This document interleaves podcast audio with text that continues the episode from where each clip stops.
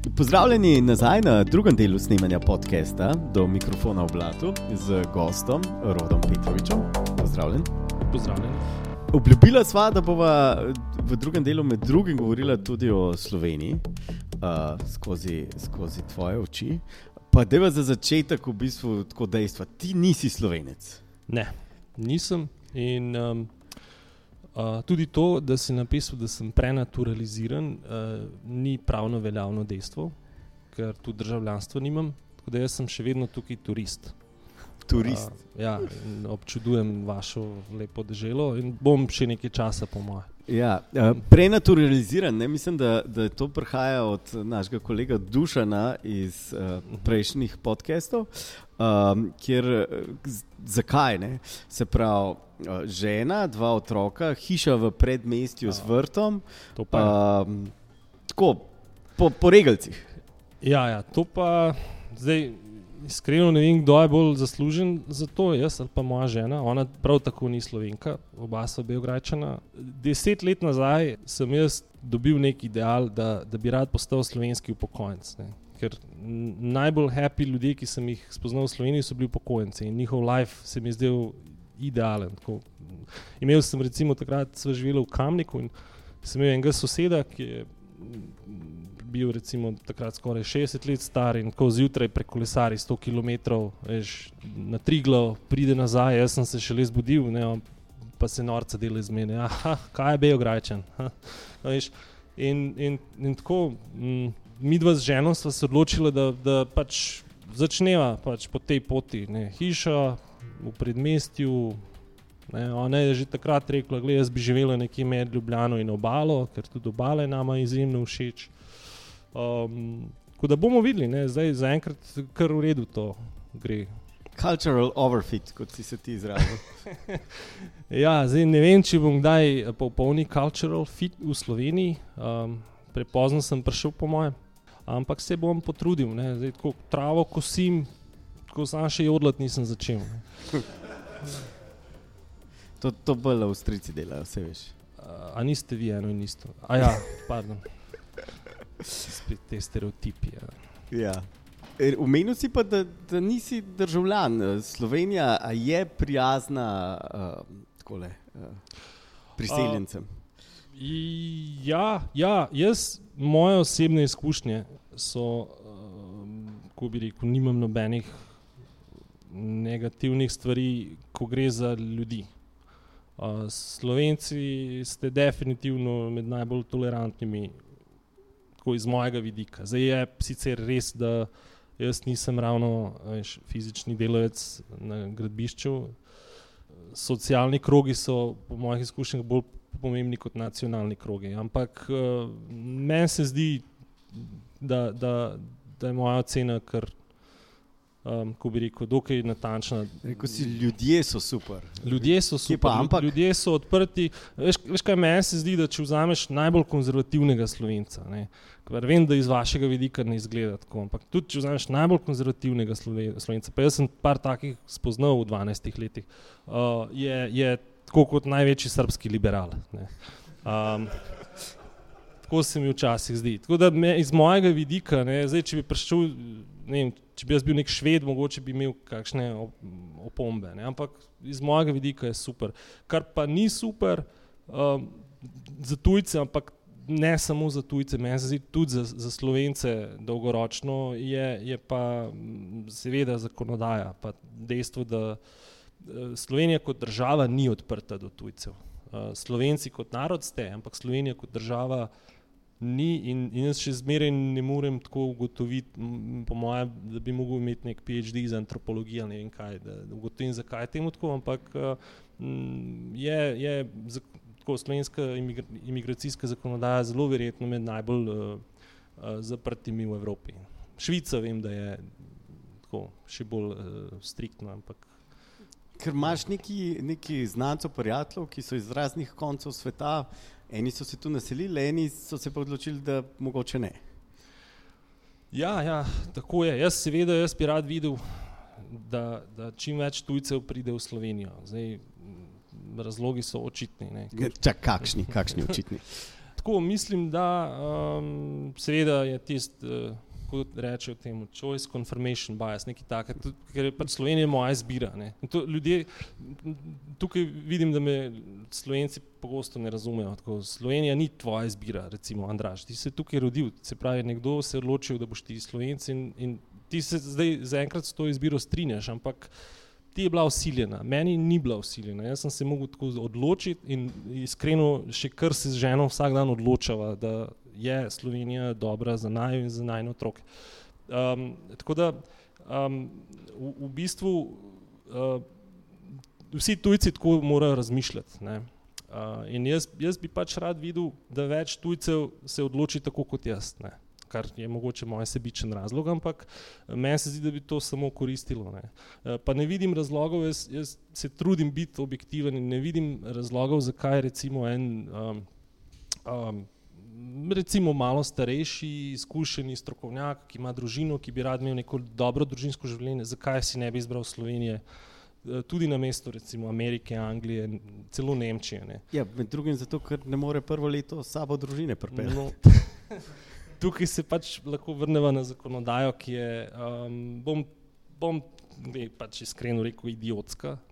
Jaz, jaz razumem, zakaj je prišlo do te zakonodaje, ampak uh, se pa ne strinjam, da je, do, do, da je, da je, da je dobra za Slovenijo. Um, in um, seveda drugi razlog, zakaj bi bilo dobro za vse nas, uh, spet mogoče rahlo sebičen razlog, ampak uh, lej, več izkušenih strokovnjakov bi imeli tukaj in o, o rekrutiranju so se že pogovarjali. Ne. Pa bi, misliš, da bi bil ekonomski efekt tega tudi za ostale? Ja, definitivno. Meni se zdi, da je Adam Smith to razložil. Um, seveda, To, ker, recimo, evo, jaz, jaz, jaz to tako razložim. Tam, če greš samo na poligon, ne, tam je en kup tujcev, ki delajo v Sloveniji in plačujejo davke. Plačujejo malo več in malo manj, se lahko pogovarjamo na to temo. Dejstvo pa je, da, da so tukaj in da, de, da nekaj delajo, nekaj, kar bi lahko delali kjerkoli. In vsi oni, to so programeri, oblikovalci, imajo izbiro, lahko jutri grejo čez mejo, pa delajo kje druge. In vsi oni so tukaj izključno zato, ne zato, ker je tole Silicijeva dolina ali pa veš, uh, ne, izključno zato, ker jim je Slovenija všeč in ker s tem Slovenci ne vem, zakaj všeč.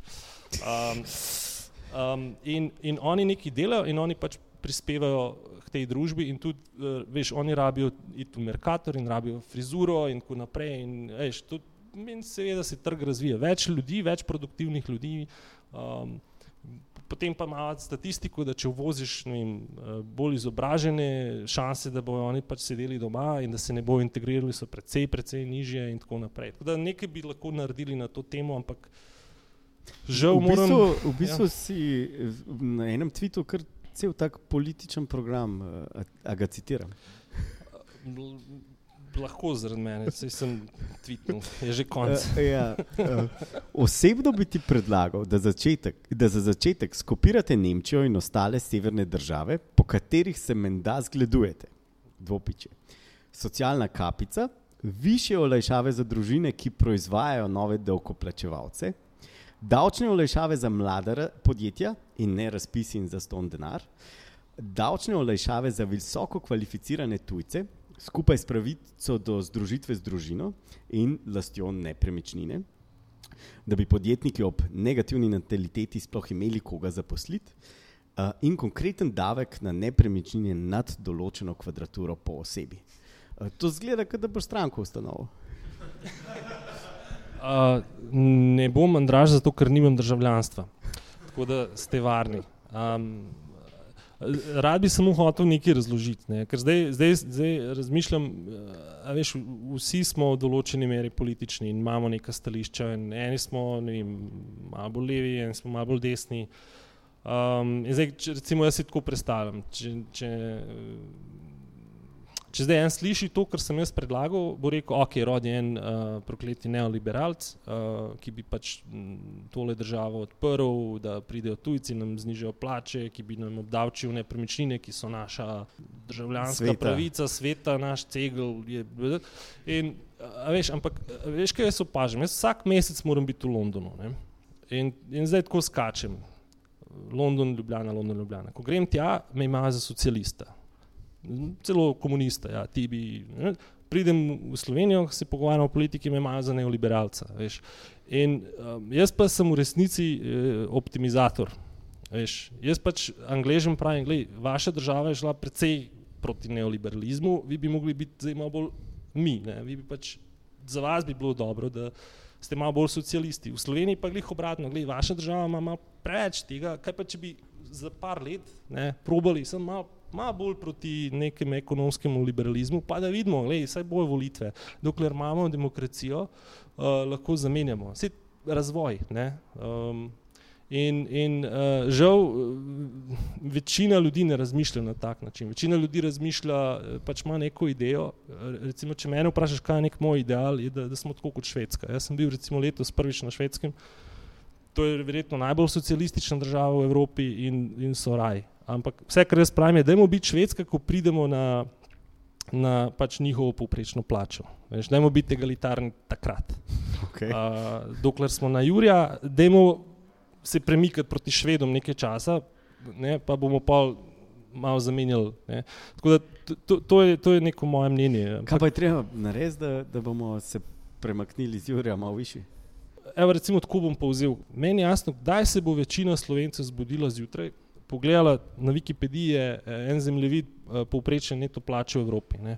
In tam smo mi rumena skupina. Ne. Eh, severno, pa zahodno od nas je modra skupina. In meni ni jasno, kdaj se bo večina nas budila, oziroma večina vas, da bom bolj natančen z volilno pravico. Mešaš, z volilno pravico ja. In se vprašala, kdaj bomo pa mi modra skupina? Veš, zakaj ne bi bili mi? Modra skupina. Pa, pa bi bilo treba kaj spremeniti. Ja, ja, to ja, sej, ampak to se začne z motivacijo, ker meni se zdi, da je trenutno življenje, kot sem rekel, Slovenija je že zdaj dokaj super in življenje je lepo in sladko in zato sem konec koncev jaz tukaj, da bi užival z vami. Ampak, veš, to je tako, kot če bi naredil startup, pa si prišel kar daleč, pa reči, veš, kaj meni je to dovolj. Čeprav je še tako ogromen trg meni na voljo, uh, Ne, ja, jaz bom tukaj ostal, jaz bom kar kuliral. Pa, ja, jaz, ko smo pri tvoji priljubljeni temi, tudi košarki, ne, jaz sem upal, da bi bil katalizator za spremembe to, kar se je v bistvu z Randolfom zgodilo. Tako ja. smo dali državljanstvo in smo zmagali v Evropskem prvenstvu. Ne, ne samo, vse, po mojem, da niste zmagali zaradi tujcev, No, ste zmagali lažje, zato, ker ste imeli srečo, seveda, ker nam ni prišla pač prva ekipa. In, ja. uh, dobro, to je jasno, to vemo. Ne, to vemo, to, okay. to vemo. Ampak, eh, če pogledaš tudi tako ključni igralci v Sloveniji, če bi zdaj bili uh, nitpiki, desničari, bi pač se vtikali v njihovo. Mislim, ti, če narediš DNK analizo katerega koli človeka, ti ne moreš dokazati, kje je nacionalnost, on pač, pa, katerega državljanstva sploh ne. ne. Tako da um, mislim, da je slovenska košarka povzela, pač, kako družba napreduje. Veš, napreduje tako, da pač imaš neke visoke standarde in željo po, po nekem cilju. Vse niste, veš, je trajalo nekaj časa, da, da pridete do točke, da lahko premagate najboljšo ekipo na svetu. Um, um, ampak si, ko si zastaviš nek cilj in neke visoke standarde, in potem bedarije niso več pomembne, uh, ni pomembno, ali si ti Randolf ali si Novak. Uh, če si pač uh, naš, ne, če, če si pač. Če spoštuješ pravila naše družbe, si lahko del naše družbe in skupaj z nami stremiš k tem cilju. To je to, it, to, je, to, je to. Um, mislim, da, da Slovenija ima ogromno enega prostora. Da, recimo, iskreno, jaz, jaz včasih razmišljam, zakaj ne bi čez deset let Nemec rekel, veš, kaj jaz grem v Slovenijo živeti. Ker veš, plače so više kot tukaj, more je bliže. Zakaj se ne bi to zgodilo? Veš, iz mojega vidika ne, je, je Slovenija na tej poti, sem, kot če bi rekli, da ah, okay, je to dovolj. Dajmo se mi tukaj malo ustaviti, pa spiti kakšen cviček. Okay v IT-ju, trenutno je diversity, uh, se pravi raznolikost, uh, pomembna tema. Ne? In recimo v Sloveniji, če vzamemo konkretno, tukaj mogoče imamo malo manj uh, nacionalne raznolikosti, ampak um, ni pa razloga, da, da spolno raznolikost v IT-ju ne bi kako rešvali. Uh, a a ti, ti kako uspeva to? Uh, žal ne. žal mi ne uspeva. In zdaj, zadnje čase se veliko o tem govori. Mislim, da, da sta tako za začetek dva koraka. Ne. Prvi korak je, da, sploh, ko, priz, da si priznamo, da imamo problem. Ga imamo. Ja, ga imamo in to zdaj večina ljudi, uh, recimo pet let nazaj, uh, bi marsikdo rekel: ne, gledaj, enostavno njih to ne zanima. In, ne. Ampak um, definitivno ga imamo in o tem se zdaj že cel svet um, uh, v bistvu pogovarja. Zdaj, drugi korak je, da ugotoviš, da kljub temu, da, da, da je tvoje osebno prepričanje, da bi moglo biti več žensko v IT-ju in da bi ti z veseljem zaposlil žensko, ne, si kljub temu del problema. Ne. In to je, recimo, to sem, to je, recimo, da sem si jaz to mogel priznati v preteklih parih letih. Uh, in da si kljub temu del problema, da mogoče ne hote. Uh, uh, filtriraš na robe. Ne. In jaz sem, jaz sem, ko sem začel o tem razmišljati in brati, ne, um, sem se spomnil, recimo, primerov v preteklosti, ko sem imel kakšno žensko na intervjuju, pa, ni, pa nisem zaposlil, ne, pa, pa zdaj lahko tako stotno rečem, bi mogel. Zato, ker nisem razumel teh razlik. In sem pač iskal nekaj, kar je, kar je bilo bolj podobno meni. Kaj, kaj pa so te razlike? Um, v bistvu, um, ve, zdaj, tako, tukaj definitivno nisem največji strokovnjak in, in jaz se še učim. V bistvu. očitno, tako, trenutno nimam nobene ženske v ekipi, kar me boli, in očitno se nisem dovolj naučil.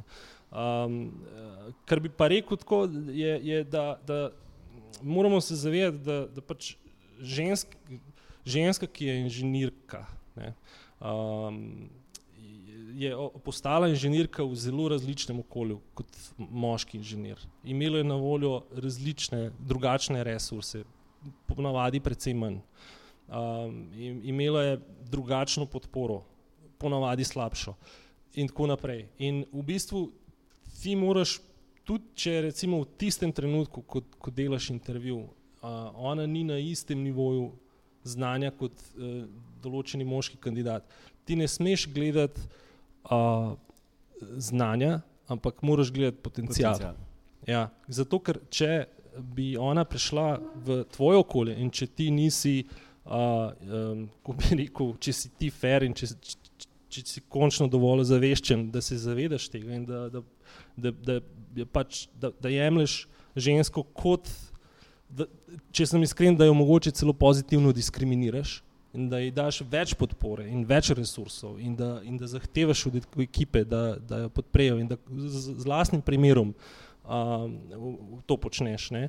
Je zelo verjetno, da bo, da bo ženska zelo hitro boljša kot tisti kandidat, ki bi ga ti na začetku zaposlil, samo zato, ker je pač obvladal ne vem, tam nek uh, uh, eksperiment, ki si ga ti spomnil. Tako da to je zdaj nekaj, česar se jaz zavedam.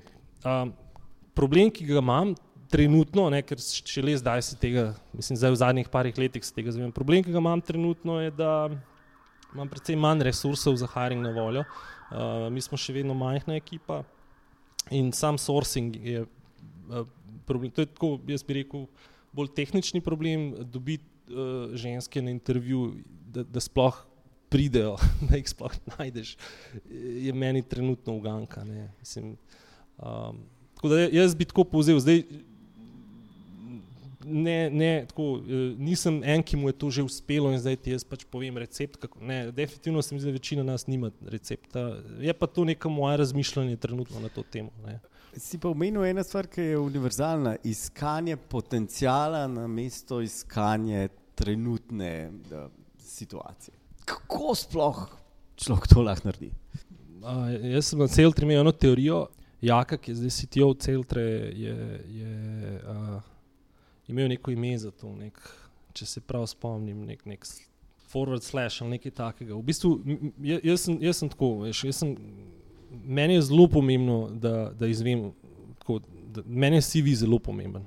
Um, na podlagi CV-ja se ne morem odločiti, ampak mi je zelo pomembno, da, da jaz si vedno preberem CV, zgodovino celo in jaz, kadar se pogovarjam s potencijalnim inženirjem, vedno rečem, da je v začetku od prve vrstice kode, ko si bil 9 let star, ko si bil 12 let, začneva tam. In, in potem jaz nekako v glavi, včasih celo na whiteboardu narišem njegovo zgodovino, ali pa njeno, žal bolj pogosto njegovo. Uh, in, in potem dobesedno tako ocenim, koliko zahtevne stvari je on delal na vsakem koraku. In če črta, če, če narišem na koncu forward slash, ne glede na to, ali ima on 10, 5, 2 leti izkušenj, če je trend upward, to meni nekako pač pove, da, da gre za, za, za nek potencial. Marsikdaj se zgodi, da je tudi po desetih letih črta dokaj ravna. ne. To, to, Ja. to je dobro, dobro vprašanje. Namreč včasih se ti zgodi, predvsem morda ljudje, ki delajo v recimo temu ustaljenih podjetjih, ne, Ja. da, da je tista črta ravna, ampak se sprašuješ, ne, je ta črta ravna zaradi človeka ali zaradi okolja, kjer ni mogel te črte malo dvigati. Danes, če rečeš, da znaš kodirati, eh, imaš na voljo vsaj tako, takoj deset služb. Mogoče to niso najboljše in najlepše službe, ever, ampak so o- obup je na taki ravni, da te bojo zaposlili. ne. Uh, tako da vsi imamo neke izbire. Ne. In če si ti že pet let, deset let v isti poziciji in se nisi nič novega naučil, in šraufaš en in isti CMS, in šraufaš en in isti ne vem, nek sistem na banki. In kljub temu, da, da je toliko izbire okrog tebe, se nisi odločil, da poskusiš kaj bolj, izi, bolj, bolj uh, zahtevnega, nek, da, da, si, da si poiščeš nek večji izziv, je to za mene slab znak. Zdaj, zakaj do tega pride? Uh, ja, okolje zagotovo vpliva, vzgoja mogoče. Vem, so ljudje, ki jim, veš, ni ko, ko, glavna stvar v lifeu, da so dobri inženirji. Mogoče imajo druge stvari v življenju, to je pa samo job, kar je zelo legitimno. Ne? Um, težko pa zdaj sam najdem vse te razloge. Po mojem bi mogel imeti PhD iz psihologije ali kaj takega. ne. Um, je pa v mojem primeru tako, da ponavadi delam na takih projektih, ki zahtevajo neko uh, odličnost, če hočeš, uh, ali pa vsaj neko zagnanost, pa, pa sposobnost učenja, pa ambicijo predvsem. K, če se pa hkra, hkrati, no, če ti malo kontriram, si pa retweetov uh, nekaj v smislu. Um, O, ne. Če tudi nimate hobi projektov, niste glavni kontributor v open source, če tudi ne, niste na najbolj hot konferenci, uh, ne se sekirati, večina uh, razvijalcev ali pa inženirjev je takih kot vi, nič ni narobe s tem. Ja, s tem se za razliko od prejšnjega tvita, ki je bil bolj humor, s tem se strinjam. Zato, ker sej, prvo kot prvo, tudi če tvoja karijera ravno črta in imaš neke druge stvari v lifeu, ki te, ki te zanimajo, s tem ni nič narobe. Veš, to, jaz mogoče včasih celo zavidam takim ljudem. Um, um, po drugi strani, če nisi open source contributor, kot sem razlagal prej, ne, ni nujno edini način, da ti pokažeš, pos- postaneš in dokažeš, da si odličen inženir. Uh, če delaš na zahtevnih, uh, sploh v startupih, ne, ker itak moraš po parih letih narediti nek čudež, da bi sploh imel viable business model. Uh, in če, če delaš na takih projektih, boš prav tako dosegel neko inženirsko odličnost. Ne. Tako da ni, tudi če si neviden, vse poznam veliko ljudi, ki, ki sodijo v to kategorijo. Ne. Tako na vzven niso tako vidni, ampak so pa med najboljšimi inženirji, ki jih poznam. Ne. Eno tehnologijo so v bistvu pozabili, ker si se zelo pohvalil, da ja, microservices, pa monolit, ampak zdaj tisto, kar ta pravi uh, inženirji in inženirke počnejo, je serverless, Tako. brez strežnikov. Uh, Leni inženirji in si že skoraj tam. Ja, no, tukaj pa moram priznati, da, um, da smo zelo verjetno, tako upam si trditi, uh, čeprav sem zelo skromna oseba, da smo zelo, zelo daleč. Uh, Zelo skromna oseba. ja, ja, vse veš. Um, v bistvu, um, ja, tako v zadnjih uh, letih je precej popularen mm, Docker, pa Kubernetes, recimo Marka sem poslušal, uh, zelo dober podcast. In, um, on je to seveda pripeljal do nivoja PhD-ja iz Kubernetesa ne, in tako naprej. Umetnosti. Ne. Tako, umetnost. Zdaj, jaz, jaz pa tako, jaz sem len. Ne. In je- meni se ne da tako ukvarjati se z stvarmi, ko vsi, ki delajo z mano, to vejo. In jaz, jaz po mojem, da, da če sem uspešen v tem, kar delam, sem uspešen zato, ker se rad znebim dela in rad avtomatiziram stvari in, in ne bi rad, da me Kubernetes recimo meni ni dovolj zanimiv. Uh, čeprav vem, da je zanimiv, meni ni dovolj zanimiv, da bi, da bi se jaz po noči s tem ukvarjal. Ne? Ker jaz bi rad, da mi Bezos reši čim več težav. Ne? Dokler še mene ne avtomatizira, pa bom jaz pač na koncu samo še vrtnaril. Uh, in uh, serverless je definitivno, mislim, jaz takoj, ko se je Lambda, Amazon Lambda pojavila, sem se začel s tem igrati. Um, in uh, potem je zelo kmalo je prvi ta mikroservis uh, bil deployen tja gor in smo imeli odlične izkušnje. Uh, zdaj imamo do, kako bi rekel, uh, gradually, tako postopoma prihajamo do te točke, ampak imamo nek ambiciozni načrt. Tako delam z uh, zelo verjetno najboljšo ops osebo, spet bom skromno rekel, najboljšo ops osebo v Sloveniji, ki, ki pri tem močno pomaga. Uh, mi dva imamo tako nek ambiciozen načrt, da do konca leta bomo čist brez serverjev, da, da vse laufa na Lambdi in, in da, da enostavno. Pač, in to je prihodnost. Jaz, jaz bi rekel, da je. Zato, ker, veš, ko se pogovarjam z inženirji, pa jim rečem, da me, recimo, dokler ne zanima, zato ker jaz že zdaj uporabljam serverless in se mi to zdi. Ja, pa kaj misliš, kaj pa je za Lambdo? Ja, dokler. Se neko, čakaj, deset let nazaj si ti bil tisti, ki je rekel, a, kaj pa misliš, da je za cloudom. Uh, ja, uh, kišta. Ne, mislim, to je tak način razmišljanja. Jaz se čist strinjam, da recimo Docker, Kubernetes so, so iz, izjemne tehnologije, ki nam to omogočajo, se pa ne strinjam, da se bom jaz čez par let s tem ukvarjal. Uh, ta servis, ki ga Amazon ponuja, je, je res, ko bi rekel, precej je ne bolečinati. In kar je recimo meni zanimivo, je, da, da zaradi takih servisov se mi zdi, da bo manj lokina. Manj? Ja, Ja, jaz imam to, mogoče ne še, ampak imam to teorijo, ker kaj ti deployaš na Lambda? Ti deployaš eno funkcijo.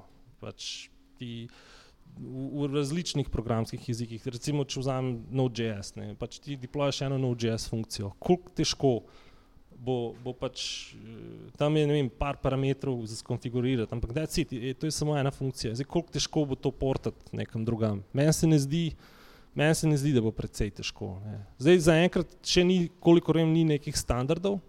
Uh, bi bil presenečen, če se ne bi pojavili v kratkem. Okay. Se uh. pravi, serverless je pot v prihodnost. Ne. Končni cilj je, da se boš samo še z vrtnarjenjem ukvarjal. ja. uh, kaj pa še vmes? Kakšne so še tehnologije na obzorju, ki misliš, da bodo nam inženirjem, oziroma nam razvijalcem, um, omogočili, da bomo vrtnari na koncu. Ja, pa definitivno umetna inteligenca, ne? ker jaz, jaz pač eno izmed mojih prepričanj, pa nimam nobenih dokazov. No, eno izmed mojih prepričanj je, da, bo, vem, da bodo najni otroci tako spraševali, kaj vi ste sami pisali kodo. Ej, a si slišal tole, fotor je dejansko mogel kodo pisati, ej, v kakšnih težkih v kakšnih težkih pogojih so oni živeli. Um, veš, meni se zdi tako, da večina te kode, ki jo mi štancamo, vse so že eh, primeri, da recimo, če začnemo z interfejsom, da razrezati zdaj že naredi uh, pač uh, deep learning network, ne, pa po mojega naredi bolje kot jaz. Ne. Tako da, mislim, da, da gremo v to smer. Jaz, jaz, jaz, sem, jaz sem študiral na, Ste, na Štefanu in tam sem šel tja študirati zato, ker nisem vedel nič o machine learningu in me je zanimalo. In, in to je res do, dober inštitut. In so me nekaj, so me naučili kljub moji pač, um, mojim omitvam. Uh, in, in um, če gledaš, uh, če se malo poglobiš, če veš, kako okvirno machine learning funkcionira, ne, in se malo poglobiš v to, kaj, kaj mi delamo, boš zelo hitro ugotovil, da jaz bi lahko nek model naučil, da tole dela na mest mene, ne, pa, da se, pa da še to dela na mest mene. Meni se zdi, zdaj ne vem. Nisem rej kurcval, da rečem, da se bo to zgodilo čez dve leti, pa se ne bo. Ne, jaz ne vem, kdaj se bo to zgodilo, ampak ne bi bil presenečen, če bi se recimo do konca, definitivno do konca naših karier. Uh, bo, bo, bo kdaj je do konca naših karier? Ja, v, v mojem in tvojem primeru je to drugo leto. v primeru teh ubogih režev pa ne. Ne, se, se hecam. Ampak tako, recimo v nekem doglednem času, tako, da je to zdaj 5, 10, 15 let, jaz, jaz ne vem, ampak meni se zdi, da bo. A kje že zdaj v, v tvojem trenutnem podjetju uporabljate machine learning, deep learning? Hvala Bogu, ne. Uh, mislim, Kako gre to skupaj? Ja, trenutno ne. Ja, jaz, jaz sem tako, jaz sem mogoče dvakrat v karieri to dejansko uporabil. Ne vem, s kakšnim uspehom. Meni se zdi, da, da, da, da, da se nekaj takega uspešno uporablja, da to dejansko je nekaj added value. Marsikdaj to uporabljamo samo zato, ker je kul. Cool, Uh, in pa, ja, imam tisoč uh, podatkovnih točk v Excelu, aha, machine learning, ne, ne machine learning. Uh, mislim, da je to smiselno pač v takih okoljih, ker je res ogromno podatkov in, in se ne da na drugi način. Enostavno se ne da na drugi način. Uh, tako da mi nismo še tam, so pa neke ideje, ker tako skaliramo, tudi pri nas je zdaj že ogromno podatkov. So neke ideje, ampak zaenkrat se mi zdi, da kadarkoli se pogovarjamo o tem, da, da iščemo problem za rešitev. Kadar pridemo do tega, da za, za konkreten problem je to rešitev, bomo uporabili. Se pravi, v bistvu je tudi kar velik hype okoli tega. Definitivno. Ja. Sej, hype je koristen uh, v določeni meri. Um, ampak seveda ni, ni, ni vse, kar, kar slišiš na določeno temo, ni realno. No, uh, potem od, pravi, od te točke danes do vrtnarstva, um, a je blockchain tam nekje vmes? Moje, moje mnenje, zdaj, to, tole zdaj se mi zdi v Sloveniji podobno kot da širiš neke neoliberalne ideje. Ne. Ker smo le blockchain nation, oziroma ste, pardon. Uh, jaz osebno ne verjamem v blockchain. Tako, tako gr grdo ne verjamem. Mislim, da, da je zanimiv, uh, definitivno je zanimiv kot tehnologija. In spet, ko, če iščeš probleme za to rešitev, najdeš. Uh, v bistvu, kadar se pogovarjam z ljudmi, ki so, uh, ko bi rekel, ki niso neki tam marketingeri, ki, ki itak vejo, zakaj to počnejo, pa ni zaradi blockchaina. Pa kada se pogovarjam z inženirji, ki eh, se jim zdi blockchain zanimiv, pa nekaj dela na to temo, uh, nek respons, ki ga dobim, je ponavadi, uh, ja, sej veš tudi, uh, če gledaš internet, ne, uh, je bil čist na hajpen na začetku, tam leta 99, uh, 2000, pa se je zgodil nek padec, Uh, pa smo pač trčili v trdna realna tla, ampak potem smo pač počasi naprej uh, na, na, na, na nadrealno, tako, nadrealno osnovo smo gradili prihodnost interneta. In jaz, moj odgovor na to je vedno bil, gled, leta 99 ali pa 2000 uh, sem jaz uporabljal internet in ti si ga uporabljal in smo ga vsi uporabljali. In razlika je, da blockchain jaz dan danes, skoraj deset let po po pač uh, Satošiju ne uporabljam in ne poznam nikogar, ki ga uporablja za karkoli drugega, kot je uh, grid, uh, pohleb, kar jaz, gledaj, nimam nič proti. Uh, tako, investiraj v, karkoli misliš, da je zate smisel, ampak de, ne, da, da, jaz tako si ne delam nekih iluzij, da, je to, vsaj zaenkrat jaz ne vidim dokaza, da je to karkoli drugega. Uh, ima pa to kar velik vpliv na domačo uh, razvijalsko in podjetniško uh, sceno? Definitivno, koliko sovražnikov si bom jaz nakopičil. Ne? Ja, mislim, neč več, kot si jih že na Twitteru, po mojem. Ja. No? Glej, če... Uh, sem, tukaj je fajn, da ste slovenci tolerantni, kot rečemo. okay. um, ja, jaz, jaz, to po mojem tudi tisti, ki, ki, to, ki delajo ICOTE, pa to se marsikdaj zavedajo, da, da, da je večinoma gre za marketing in za neke cilje, ki niso taki cilji, kot so recimo cilji Zemante ali pa Trtla. Ne, da pač, zgradiš produkt, naslednjo iteracijo dobiš čim več trga in tako naprej. Tam so neki zelo jasni points in time, kjer ti lahko nakopičiš ogromno denarja in potem, če ti to uspe, boš mogoče videl. Ne. Jaz poznam nekatere, recimo, ki so zgradili produkt uh, in, in niso, ko rekel, definitivno ne gre za to, da, da so to vse neki, uh, iščem lepo besedo. Ne. Da so vse uh, to neki, ok. Skemeri, recimo. Zdaj.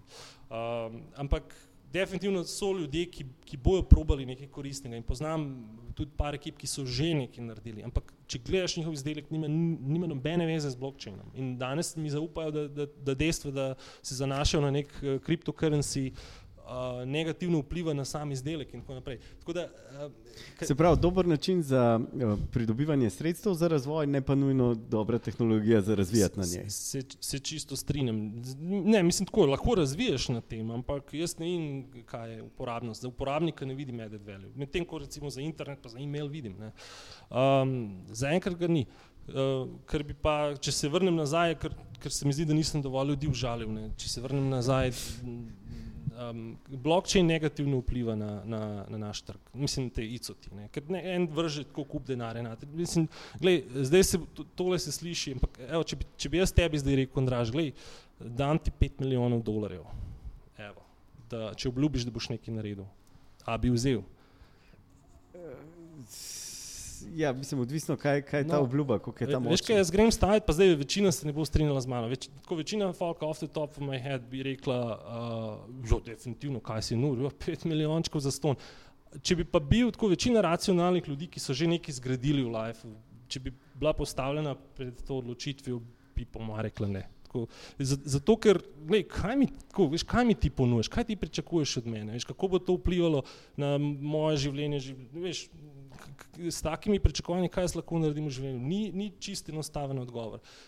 Kadar, kadar nekdo dobi to gnarja in nima nobenih, uh, ko bi rekel, pravnih, jasnih pravnih obveznosti, ker jaz se spomnim, ko smo mi na celtri rezali, z ameriškimi lori sem se pogovarjal bolj pogosto kot ženo, ne. Mislim, to, pošiljali smo jim vse, tako, od, od privatnih do, do, do drugih stvari. Uh, v tem primeru pa ti dobiš goro denarja in zdaj, mislim, lahko pač, ja, haraš 50 ljudi čez noč, pa bo že nekaj delali, ampak v resnici jaz jih haram zato, ker oni morajo nekaj narediti, zato da ti tam pokažeš, da imaš že 50 inženirjev, da bi ti uh, kupili tvoj coin, da bi ti, ne, veš. In, in meni se zdi, da je zaenkrat več negativnega vpliva kot pozitivnega. Je, zdaj le med odmorom sem slišal en, en vic, hmm. um, da se dva inženirja za šankom pogovarjata. Uh, hej, ti ne veš, kva moj šef zdaj hoče, da migriramo iz dvojke na enko. Uh, to, to, to, to ni ga za prenašati. Ne. Pa ta drug mu reče, eh, dej, mi smo ulica, to mi nimamo šefa. ja, ja, ja, mislim tako, da je precej tega hit and run mindseta. Um, v tem okolju. Zdaj, spet disclaimer, to ne pomeni, da, da ne obstaja kakšna ekipa, ki bo kljub temu nekaj naredila in se potrudila. Ampak, če gledaš tako statistično, je precej tega, kar meni, meni ni. Ja, pri startupi so vedno bili izjemno riski. Ja, škaj, so bili izjemno riski, ampak uh, ti, ko režeš, recimo od Freda Wilsona, ne, jaz sem bral tako knjige o, o tem, kaj je on počel v lifeu če režeš od Freda Wilsona, se ne boš preveč zafrkaval, ne? boš probo deliverati. Okay. Uh, in Fred ti bo pomagal in ti bo, ne, si predstavljam. In podobno je bilo v mojih primerih. Um, jaz, ko, veš, jaz grem v London in tam spoznam človeka, ki je, ki je pač uh, rezal drugi, drugi, še en kredit je na hišo uh, pač, uh, rezal, da bi investiral v Turtle. In že s tem človekom vsak mesec pogledamo v oči in mu povem, kako nam gre v razvoju. To je čist drugi mindset, uh, kot pa jaz od neznanih tam, ne vem, Kitajcev, ampak ne vem od koga sem jaz dobil neke, neke pač te končke. To je pač moje mnenje. Zdaj, jaz tako, ne bi imel nič proti, da, da mi ta trg dokaže nasprotno in da kar naenkrat vsi uporabljamo blockchain in se zgodi, da, da vsaj 10 odstotkov teh startupov so legit in naredijo nek value. Bomo videli, ampak moje mnenje je, da se to ne bo zgodilo. Za zaključek bi še zadnji citat imel. Ne vem, ali je mm. tvoj ali kje druge, ampak meni se je zdel odličen za zaključek. Um, some of us get more than we deserve, some of us get less it's statistically almost impossible to get exactly what you deserve. It's hard to be objective. But if you ever realize you're one of the lucky ones, the best thing you can do to, for yourself is start trying to deserve it. To se mi zdi tako zelo dober moto. Hvala. Uh, tukaj moram priznati, da je to eden izmed tistih tvitev pod vplivom rake. Uh, tako da je moj. Um, In v bistvu, veš, jaz, veliko je tega self-congratulationa v naši industriji. Ne? In jaz sem, se mi zdi, da, da sem dojel, recimo, glih takrat, ko sem to tvitnil, pa mogoče predtem sem dojel, da, da sem jaz bil eden izmed krivih. Ne, da, jaz sem si vedno tako govoril, gledaj, jaz sem odraščal tam v neki. Um, Naj, tako, middle class družini v Srbiji v 90-ih, kar pomeni, da smo bili revni, ker pač middle class v Srbiji v 90-ih je bil reven. In kljub temu, da vem, smo bili pod sankcijami in so nas bombardirali, in tako naprej, sem se jaz nekaj naučil in sem potem pač pomagal parim podjetjem, da, da zgradijo nek biznis. In, veš, očitno sem jaz car, ne? očitno sem jaz iz nule, čist sam, povsem sam. Ne? Ampak potem, veš, malo dozoriš, se ustaviš in pogledaš. Ampak, glej, meni je tako mat kupila računalnik, ko sem bil dve leti star. Ne? Sicer bil rabljen, ampak neš, nekomu ona si to lahko privoščila na nek način. Pa šel sem v Ameriko, ne, spet tako, mat je tam popraskala vse, me poslala pač za eno leto v Ameriko in sem prišel nazaj, seveda popolno angliščino. Ne. In tako naprej. In potem sem tako začel iskati in, in, in razmišljati, da v bistvu jaz pogoče niti nisem toliko poseben, da sem bil laki. Mogoče sem v določenem odstotku, ampak v določenem sem tudi laki. In, in da, da veš, če se kdaj zbudim zjutraj, pa se mi zdi, da ha, zakaj jaz moram iti v to službo, če sem toliko poseben, bi lahko delal kaj bolj koristnega. Bolj, da, da, da. Mogoče, če malo razmisliš, hej, jaz sem laki, da lahko grem v to službo, da, da lahko se odločim, ali bom danes šel v službo ali ne, da, da nekdo nima nobenih težav s tem, da, da zaslužim vem, enkratnik povprečne plače in da imajo zdaj moji otroci več, kot sem jaz zdaj sanjal. Mogoče nisem sam uh, uh, v bistvu za to zaslužen in zato sem dolžen, da se potrudim, da pač ljudje okrog mene imajo kaj od mene. Ne, ne da samo jaz imam in tako naprej. Ne. Tako da, recimo, da ta tweet, tako bo malo filozofsko to končal, ampak recimo, da ta tweet izhaja iz tega, eh, ampak mislim, da je pomembno razumeti, da, da, te, da, da ni dobro biti tako realen zaradi drugih, ampak zaradi sebe, ker ti si dejansko bolj happy, vsaj po mojih izkušnjah, če se začneš zavedati, da nisi toliko poseben, kot se ti zdi. Dejansko je mogoče eh, kontraintuitivno, ampak uh, se ti dejansko zgodi, da si bolj srečen bolj zadovoljen. Ne. Zato ta na svet. Te vas to mislijo potem končati, se pravi, the best thing you can do for yourself is try, start trying to deserve it. Rod, hvala. Hvala tudi vam.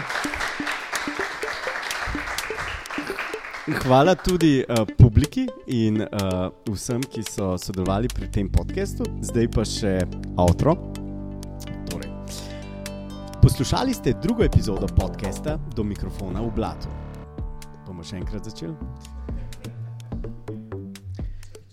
Čakaj, da, da rod nalije, potem bomo še enkrat začeli. Da boš vodo najprej nalil.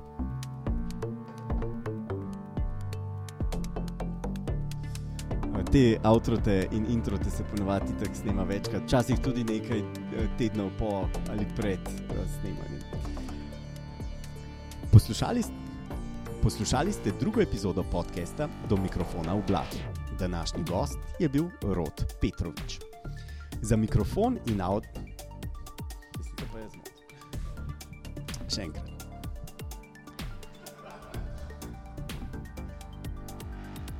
Poslušali ste drugo epizodo podcasta Do mikrofona v blatu. Da...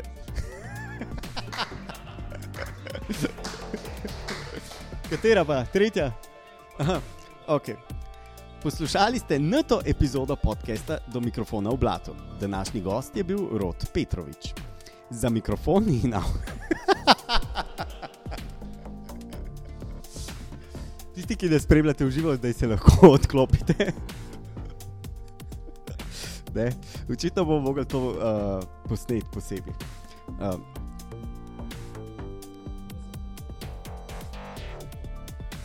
uspešen, ker ima čas za to, ne, da tebe prekinjam. Poslušali ste drugo epizodo po. Dobro. Smejmo se. Poslušali ste drugo epizodo podcasta Do mikrofona v blatu. Današnji gost je bil Rod Petrovič. Za mikrofon in audio produkcijo je skrbel Boštjan Špetič, izvedbo snemanja je zagotovila Zala Kurinčič, in v živo ekipa v živo. Opremo so prijazno posodilo Marsovci, ki jih najdete na marsovci.net z dvojnim V. Ta podcast najdete na soundcloud.com pošiljka v blatu. Z vami sem bil Andraš Tori. Če imate komentarje, ideje ali pritožbe, jih pričakujem na naslovu andrazafnazemanta.com. Vabljeni tudi v naslednjo epizodo do mikrofona v blatu, ki kmalo prihaja v brskalnik čisto blizu vas.